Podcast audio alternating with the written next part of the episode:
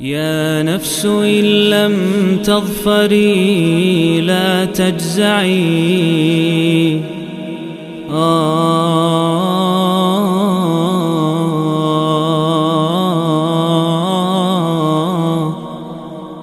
بسم الله الرحمن الرحيم. الحمد لله والصلاة والسلام على رسول الله وعلى آله وأصحابه وما والاه أما بعد.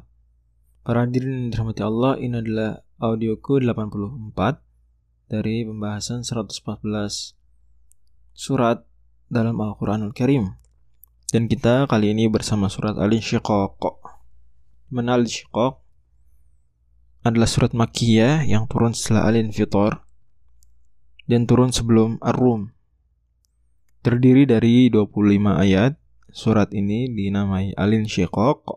Diambil dari kata Idzas sama'un syaqqat. Apabila langit terpecah belah. Dan dari kata insyaqqa yang merupakan fi'il madinya diambil masternya insyiqaq. Sama seperti infatarat di surat Al-Infitor diambil masdar uh, infitor. Dan infitor dan insyiqaq meskipun sama-sama terjemahnya itu terbelah namun ada bedanya.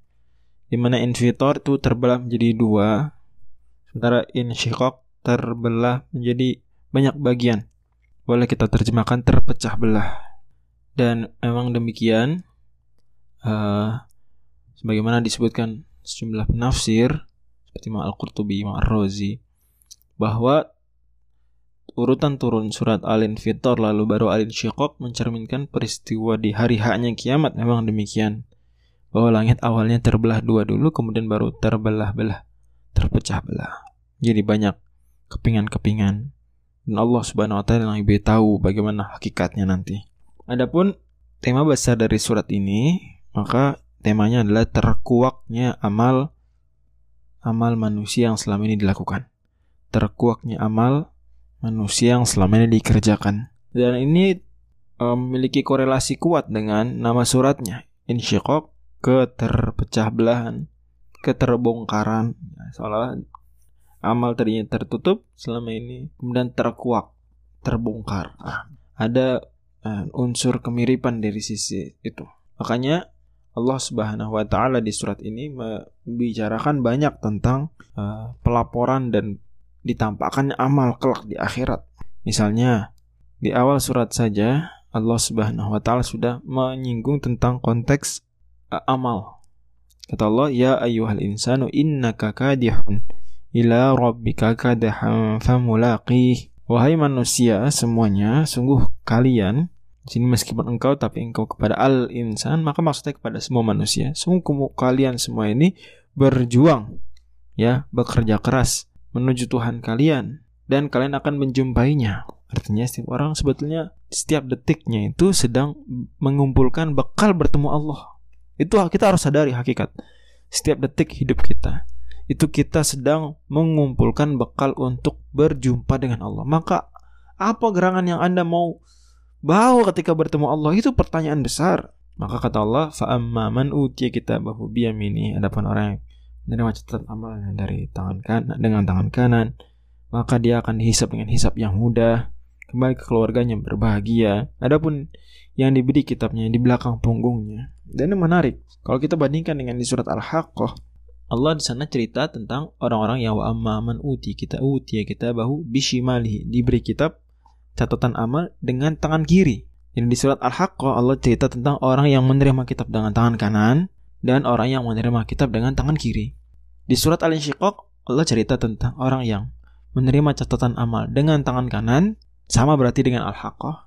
Kemudian orang yang kedua menerima catatan amal di belakang punggungnya. Ini beda dengan surat Al-Haqqah. Sana tangan kiri ini di belakang punggung. Maka cara memahaminya adalah seperti dijelaskan oleh Imam As-Safarini dan lain-lain bahwa orang yang soleh, orang yang baik itu menerima catatan amal dengan tangan kanan fix dan di hadapannya Adapun orang yang uh, jahat tapi masih bertauhid, masih muslim maka menerima catatan amal dengan tangan kiri. Adapun orang yang lebih parah daripada itu, ya, tidak beriman misalnya dan seterusnya, maka menerima catatan amalnya dengan tangan kiri di belakang punggungnya. dengan tangan kiri di belakang punggungnya. Kebayang ya, menerima catatan amal. Itu susah, tapi ya maksudnya menyulitkan dia. Tapi itulah resiko dan konsekuensi dari amalnya selama di dunia. Selama di dunia begitu membelakangi petunjuk, menaruh kitab suci di belakang punggung mereka demikian. Ungkapan dari Quran di surat Al-Baqarah. Maka begitulah akibatnya di akhirat juga. Al jaza'u min jinsil amal, balasan sesuai dengan amal perbuatan. Dan dari sini kita paham bahwa memang benar kalau al-fitar bagi jadi dua, abro dan fujar. Kalau ini bagi jadi banyak karena ada tiga setidaknya. Orang-orang yang baik menerima catatan amal dengan tangan kanan. Orang-orang yang buruk tapi masih bertauhid menerima catatan amal di depan tapi dengan tangan kiri. Dan orang-orang yang tidak bertauhid diberikan catatan amal dari belakang punggung mereka dengan tangan kiri pula. Nasallallahu salamatu wal Kemudian kata Allah Subhanahu wa taala lanjutannya Allah bersumpah Fala uqsimu bisyafaq. Sungguh dan sudah dibahas tentang la uqsimu ya. Aku bersumpah dengan syafaq, awan yang ada di yang berwarna ada di langit setelah matahari terbenam itu syafaq. Dan malam apabila sudah dan malam dan apa yang dia kumpul, ia kumpulkan dan bulan apabila sudah sempurna purnama. Sungguh kalian akan menaiki tingkatan demi tingkatan. Maka mengapa mereka tidak beriman? Yang tingkatan demi tingkatan di antara tafsiran utamanya adalah fase-fase kehidupan dari kecil, remaja, muda, dewasa, tua seperti itu. Pada akhirnya kembali ke tema besar bahwa di hari kiamat akan terkuak, terbongkar amal yang selama ini diperjuangkan. Selama ini dari kecil sampai besar bagaimana?